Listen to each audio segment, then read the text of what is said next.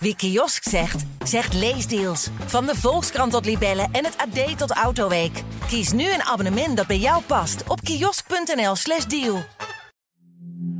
Dit is Elke Dag, een podcast van de Volkskrant. Mijn naam is Pieter Klok, hoofdredacteur van deze krant. Immigratie bleek uiteindelijk het beslissende verkiezingsthema. De partij die daar het felst tegen kant is, de PVV, ging met de overwinning strijken. Wilde zelf belooft een asielstop. Anderen willen het aantal asielzoekers wat een status krijgt drastisch beperken. Nou, kan dat allemaal wel?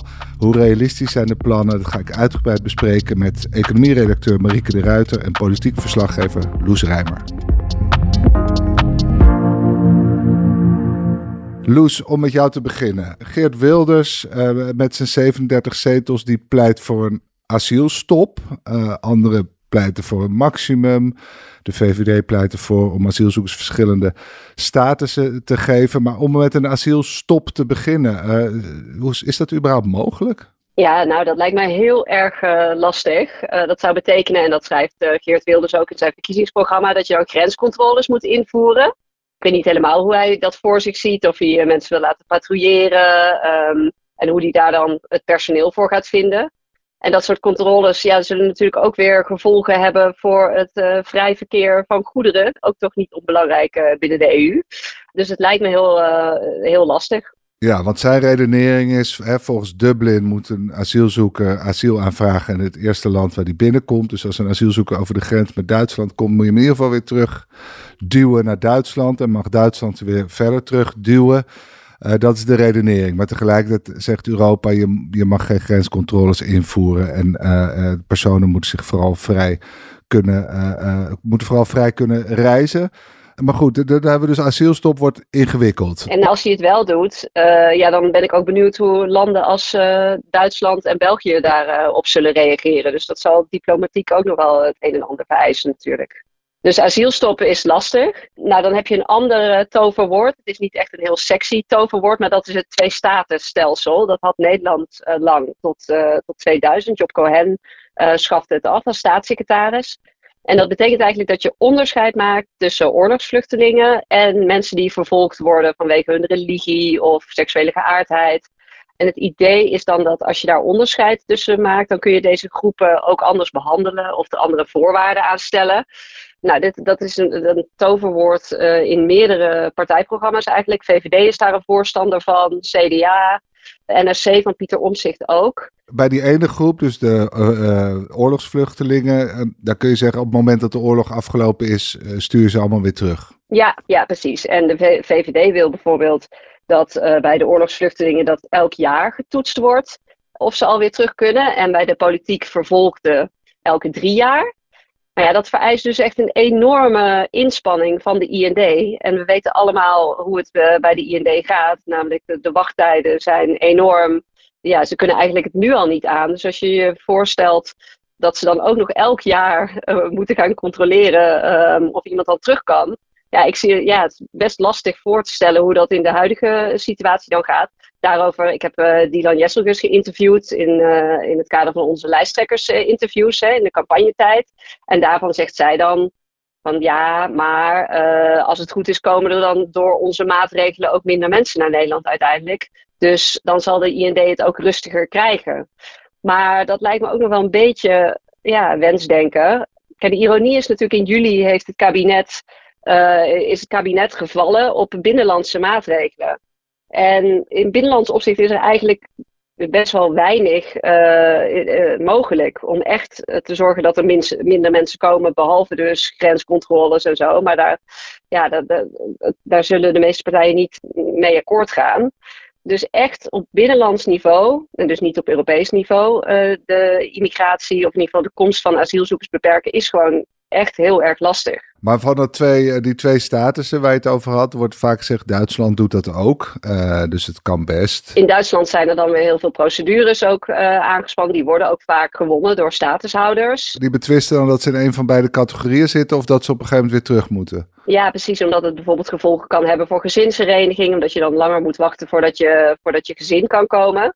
Kijk, bijvoorbeeld uh, de VVD wil ook af van verblijfsvergunningen voor onbepaalde tijd. Dus nu zeggen we eigenlijk uh, in, in de huidige situatie, zeggen we na vijf jaar tegen statushouders van jullie mogen, jullie krijgen een permanente verblijfsvergunning. Daar wil de VVD van af. De VVD wil wel dat mensen na tien jaar kunnen naturaliseren. Maar dan krijg je dus dat, ja, dat, het, dat mensen tien jaar lang eigenlijk in onzekerheid zijn of ze terug moeten naar hun land. In het geval van Jesselgus, die natuurlijk op haar achtste naar Nederland is gekomen. Die, die, die, ze had misschien al eerder een verblijfsvergunning kunnen krijgen, omdat de situatie in Turkije ten aanzien van haar, de mens, uh, haar uh, komaf, dus Koerdisch, Alevitisch, had ze misschien hem al eerder kunnen krijgen. Maar in het andere theoretische geval, een meisje van acht dat naar Nederland komt, zou misschien pas op haar achttiende weten of ze echt hier kan blijven. Ja, dat is natuurlijk helemaal, dat is natuurlijk niet echt goed voor de integratie als die mogelijkheid de hele tijd als een zwaard van Damocles boven je hangt. Maar Marieke, als we nou naar de totale immigratie kijken in Nederland, dan wordt natuurlijk de we staan ons een beetje blind op asiel. Maar hoe, hoe zit dat getalsmatig? Ja, uh, als je kijkt naar de cijfers, is het eigenlijk heel opvallend dat uh, uh, vluchtelingen altijd zo dominant naar voren komen in het migratiedebat. Gekeken over de afgelopen tien jaar zijn zij zelfs slechts 11% van de migranten.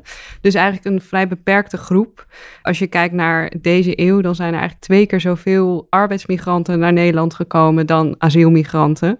Het verschil is wel dat asielmigranten langer blijven. Dus als je kijkt naar wie is er na tien jaar nog in Nederland, dan is dat meer dan de helft van de asielmigranten, 56 procent. Terwijl arbeidsmigranten vaker teruggaan.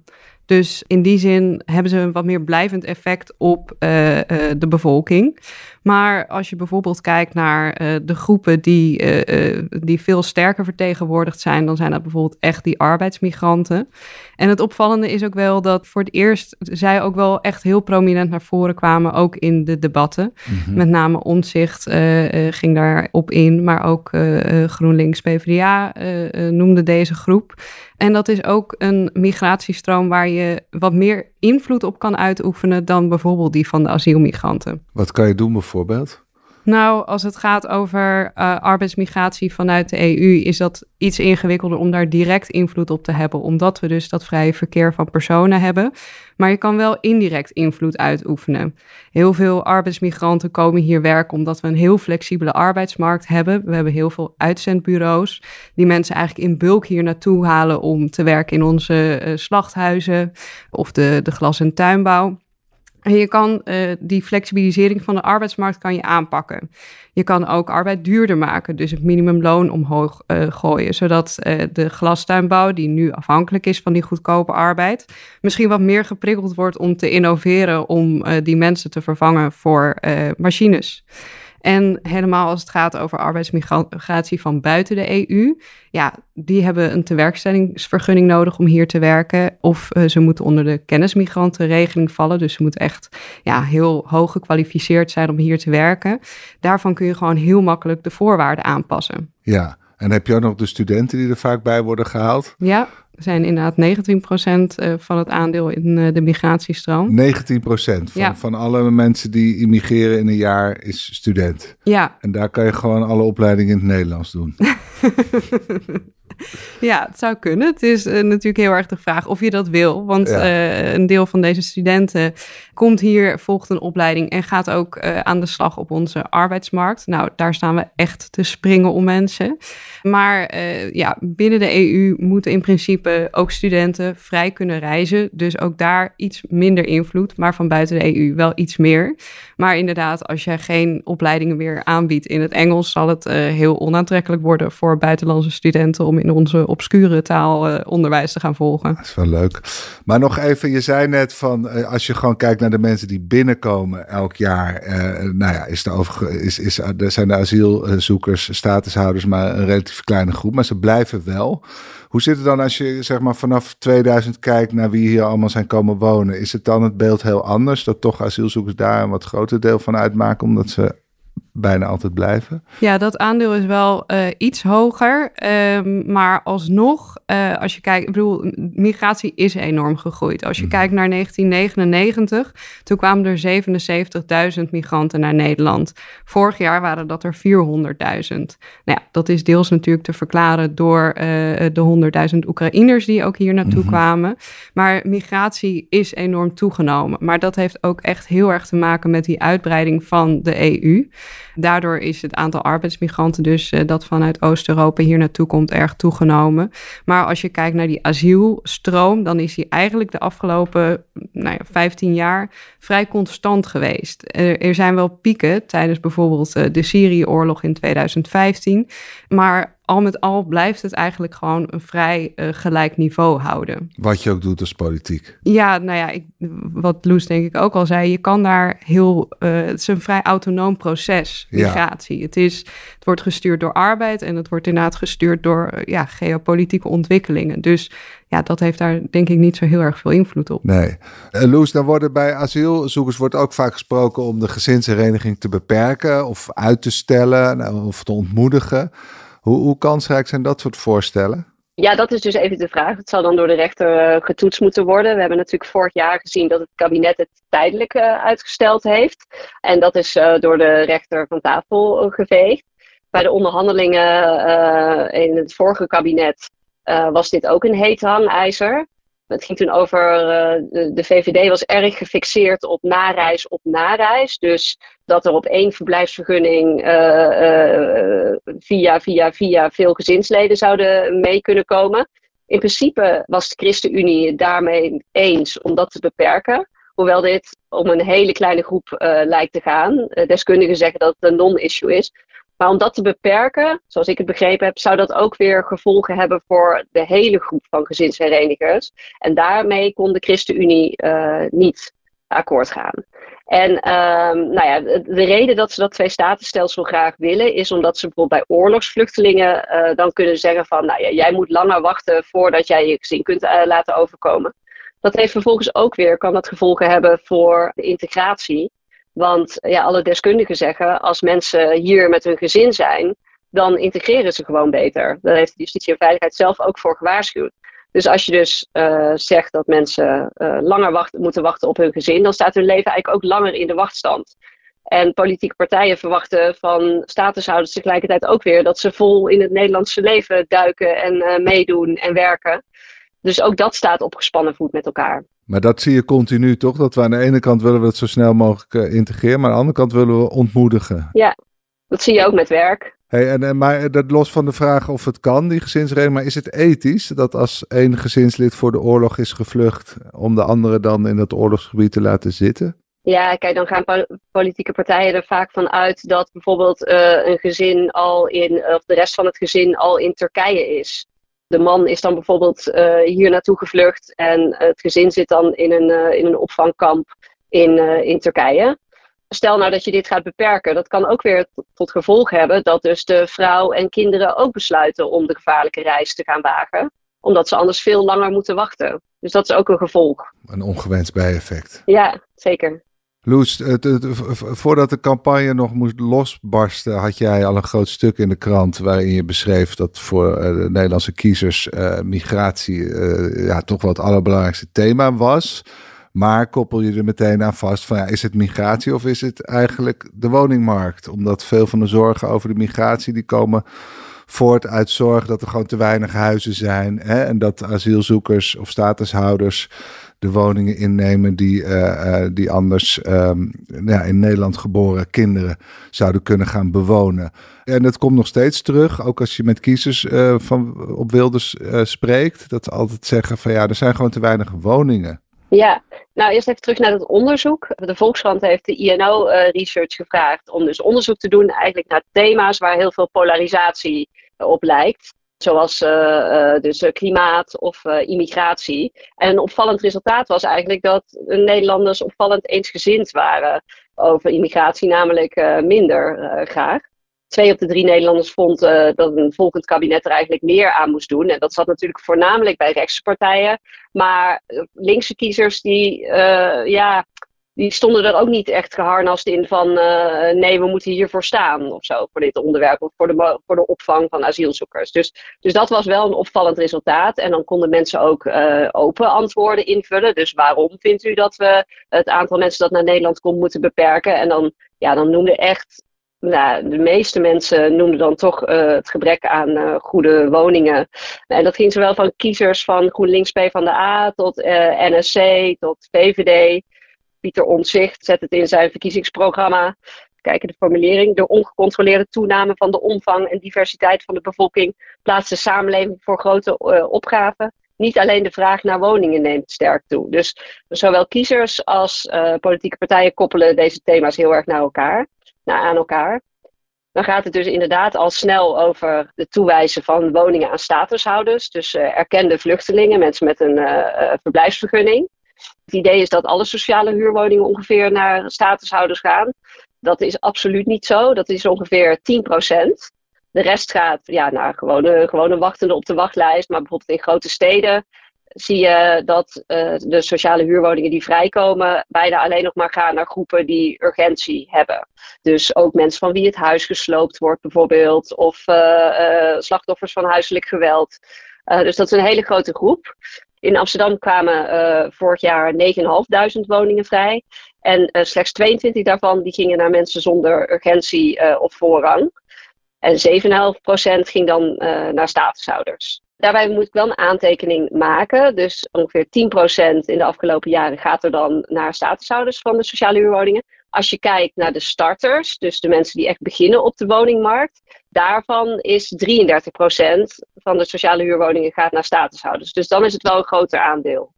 Ja, en ik kan me voorstellen, ook al is het allemaal heel goed uitlegbaar, dat het toch eh, moeilijk blijft. Hè? Stel je woont in permanent en, en je hebt kinderen die al uh, ruim tien jaar op de wachtlijst staan. En volgens komt er een statushouder die, ja, die, die heeft geen alternatief om te wonen. Dus die moet ook meteen een huis krijgen. Maar die krijgt dan direct een huis voor je gevoel.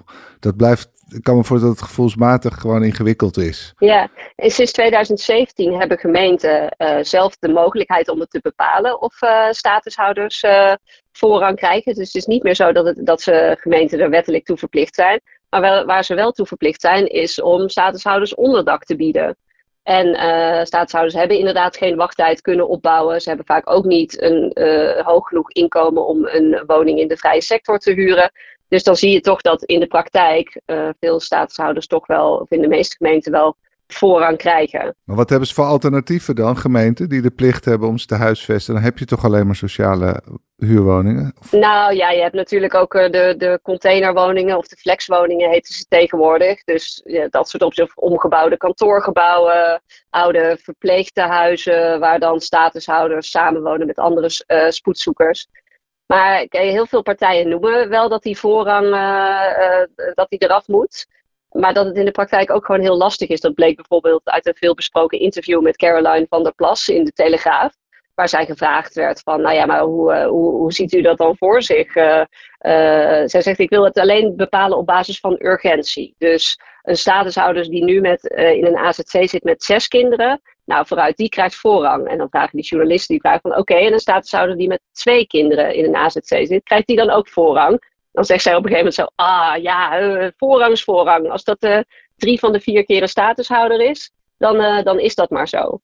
Dus zelfs een, een geharnaste partij als de BBB komt daar niet goed uit. Er is dus gewoon geen alternatief, ook al is het pijnlijk bij de huidige tekort op de woningmarkt. Ja, nou bouwen, bouwen, bouwen, hè? horen we dan. Bouwen, bouwen, bouwen. Ja, dat is altijd goed. Uh, Marieke, hoe zit het eigenlijk bij die arbeidsmigranten? Uh, nou, die concurreren deels om de woningen. Zelfs uh, gelukkig zou je bijna kunnen zeggen in de grachtengordel. Hè, waar ze dankzij hun gunstige fiscale regime de, de, dure huizen kunnen kopen.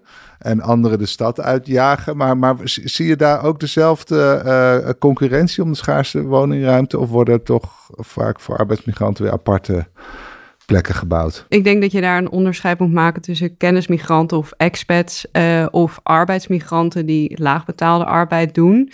Als het gaat om expats, die zijn inderdaad wat, ja, wat meer vertegenwoordigd in de grotere steden. En daarin zitten ze in het wat duurdere segment.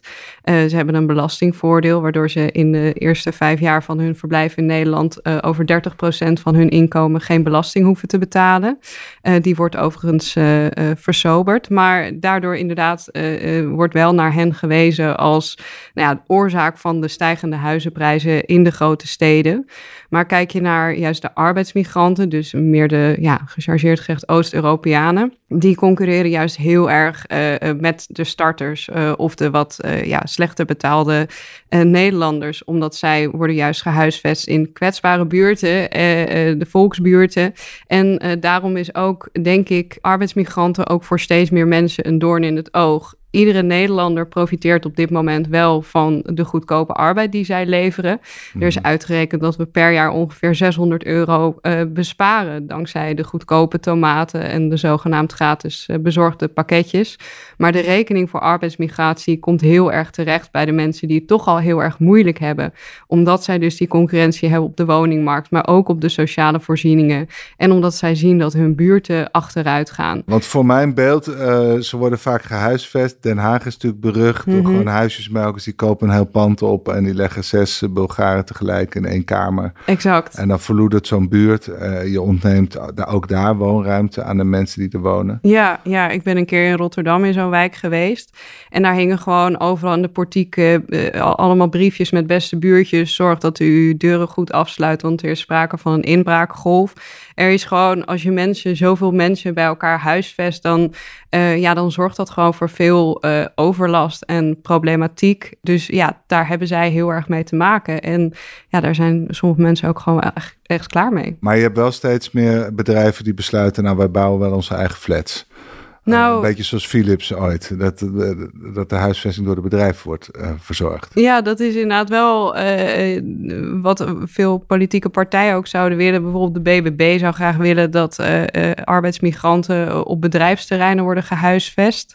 ja, op zich, er zijn ook steeds meer gemeenten die, die experimenteren met... oké, als er een nieuw distributiecentrum komt, prima, maar toon mij dan aan hoeveel mensen daar moeten werken, waar ze moeten wonen, hoe we dat gaan doen doen met de scholen en de sociale voorzieningen hier. En daar zijn wel toetsen voor ontwikkeld, op basis waarvan gemeentes nu kunnen zeggen: we verlenen daar toestemming voor of niet. Tegelijkertijd is die koppeling van wonen en arbeid, want dit zijn inderdaad allemaal mooie plannen, maar tegelijkertijd is die koppeling kan ook weer problematisch zijn, uh, omdat uh, als mensen hun werk kwijtraken, dat ze dan ook hun woning kwijtraken. En een groot deel van de daklozen uh, inmiddels, dat zijn Oost-Europese arbeidsmigranten. Dus daar moet dan ook zorg voor gedragen worden. Dus ik ben, ja, heel veel politieke partijen stellen het inderdaad uh, voor, maar ik ben ook benieuwd hoe ze met dit aspect uh, omgaan. Op zich, uh, een, een van de mogelijkheden die daarvoor wordt genoemd, is er bijvoorbeeld het arbeidscontract en het huurcontract los te koppelen. Dus dat een arbeidsmigrant een los huurcontract heeft, dan zou zoiets misschien nog kunnen werken. Maar ja, het is inderdaad wel echt een heel ingewikkeld uh, proces. Goed, Loes, om in Den Haag te eindigen. Marieke heeft net uitgelegd dat je aan arbeidsmigratie wel degelijk wat kan doen. Goed, de Nederlandse bedrijven zullen daar wel last van krijgen. Dus ik ben benieuwd of. Wilders en de VVD of wie nog meer in het kabinet komen, uh, dat uiteindelijk uh, vol zullen houden. Maar die asielmigratie, eigenlijk uh, uit alles wat je zegt, leid ik toch af dat het heel moeilijk is om daar iets aan te doen. En, en ze, ze zijn dan gewoon politici niet illusies aan het verkopen. Nou, op het gebied van binnenlands beleid lijkt me dat eerlijk gezegd wel.